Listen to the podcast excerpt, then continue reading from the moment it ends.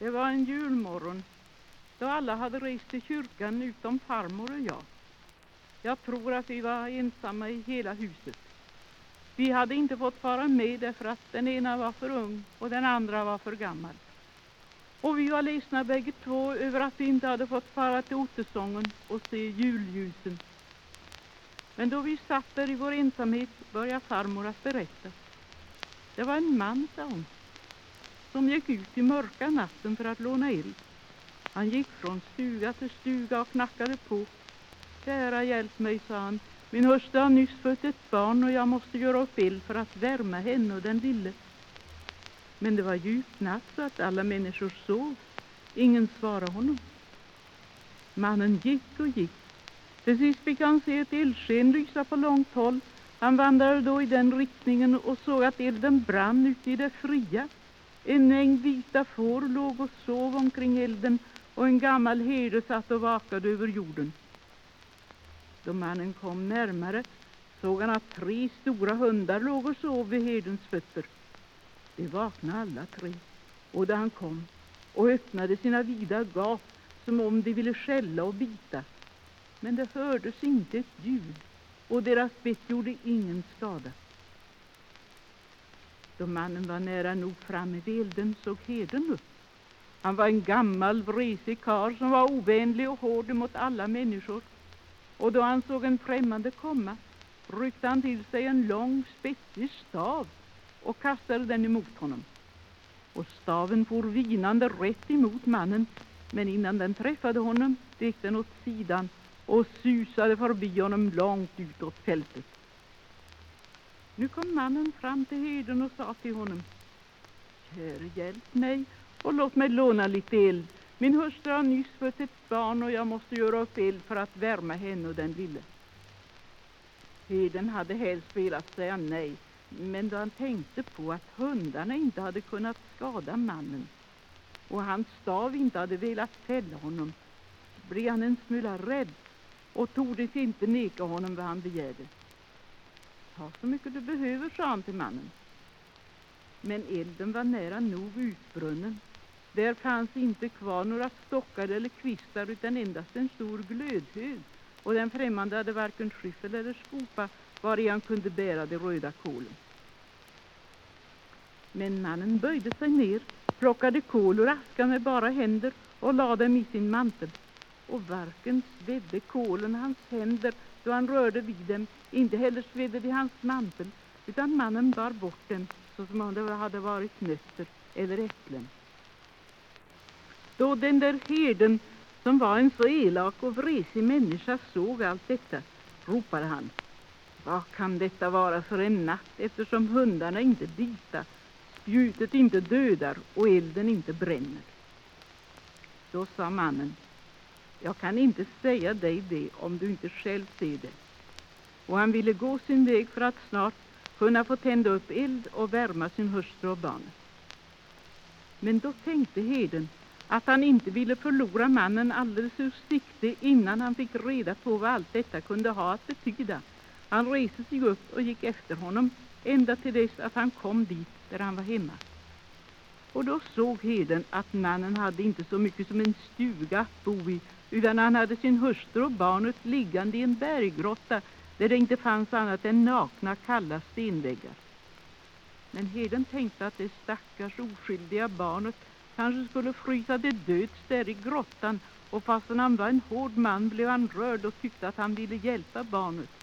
Och han tog fram ett mjukt och vitt fårskinn, gav det till den främmande mannen och sa att han skulle låta barnet sova på det. Men i detsamma som han visade att han och kunde vara barmhärtig blev hans ögon öppnade och han såg vad han inte förut hade kunnat se och hörde vad han inte förut hade kunnat höra. Han såg att runt omkring honom stod en tät ring av små silvervingade änglar och var och en av dem höll ett strängaspel i sin hand och alla sjöng de med hög röst att i natt var frälsaren född som skulle rädda världen från dess synder. Då förstod han att alla ting var så glada denna natt att de inte ville göra något ont. Och det var inte bara runt om herden som det fanns änglar, utan han såg dem överallt. De satt inne i grottan och de satt utanför på berget och de flög under himlen. De kom gående på vägen i stora flockar och då de gick förbi stannade de och kastade en blick på barnet. Det var sådant jubel och sådan glädje och sång och lek och allt detta såg han i mörka natten där han förut ingenting hade kunnat varsna. Han blev så glad över att hans ögon hade blivit öppnade att han föll på sina knän och tackade Gud. Men då farmor hade kommit så långt suckade hon och sa Men vad den där herden såg, det kunde vi också se, ty änglarna flyga under himlen varje julnatt om vi blott förmådde urskilja dem. Och så la farmor sin hand på mitt huvud och sa Detta ska du komma ihåg, ty det är så sant som att jag ser dig och du ser mig. Det är inte på ljus och på lampor som det kommer an och det ligger inte vikt i måne och sol utan det som är nödvändigt det är att vi äga sådana ögon som kunna se Guds härlighet.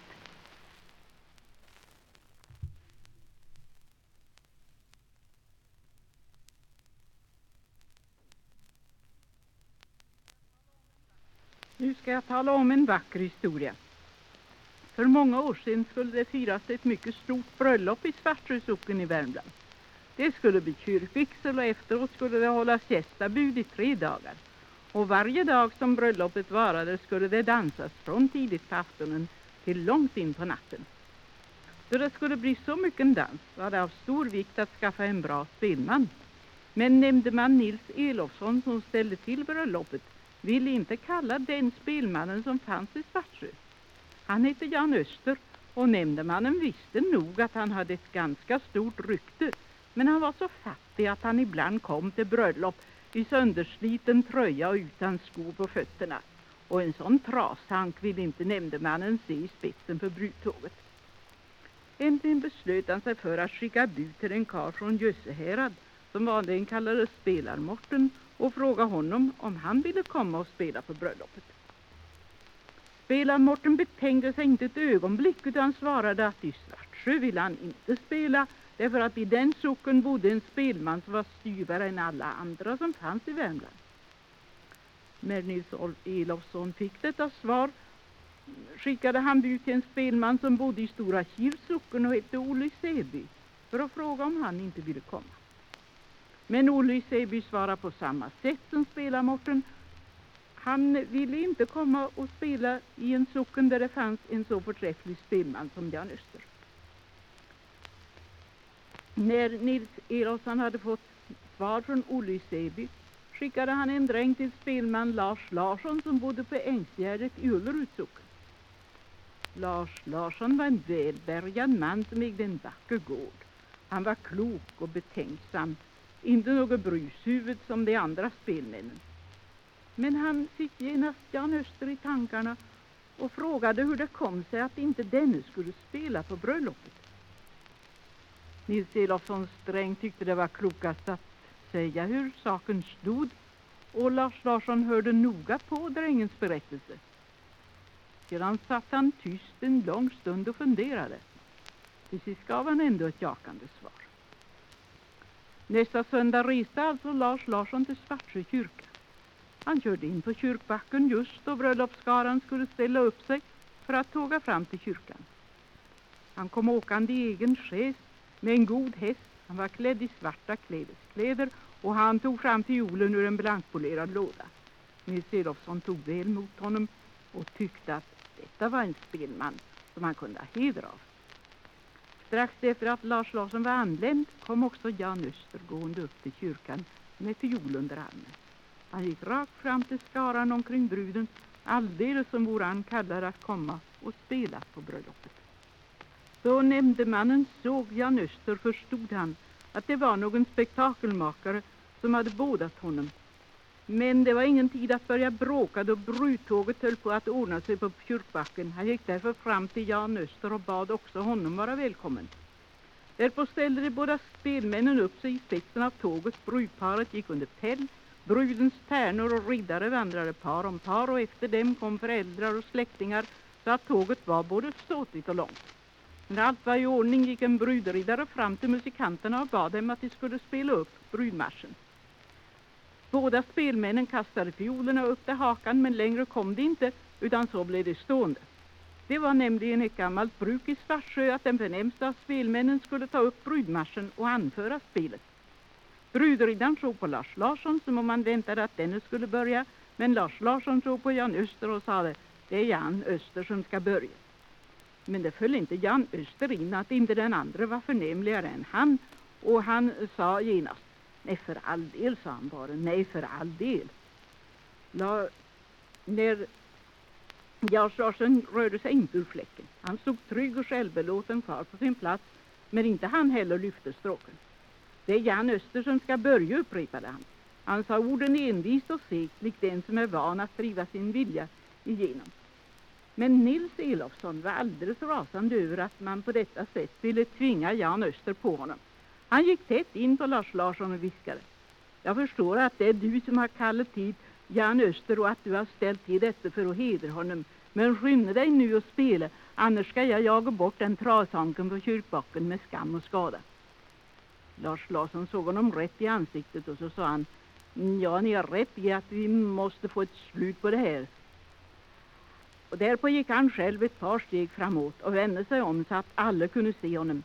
Så slängde han stråken långt ifrån sig, drog upp sin slikkniv och skar av alla fyra fiolsträngarna som sprang av med en skarp klang. Inte ska det sägas om mig att jag räknar mig för mer än Jan Östersson. Men det förhöll sig så att Jan Öster sedan 30 år gick och grubblade på en låt som han inte kunde få färdig. Men när han hörde Lars Larssons strängar springa kastade han huvudet tillbaka och drog in luft i lungorna. Och så började han spela. Det den där låten som han hade grubblat på stod nu på en gång klar för honom och medan dess toner klingade gick han med stolta steg ner mot kyrkan och brudskaran hade aldrig förr hört en sån låt den tog dem med sig med sån fart att inte en gång Nils Elofsson tänkte på att hålla sig stilla. Och alla var så glada både åt Jan Öster och Lars Larsson att hela följet kom med tårade ögon in i kyrkan.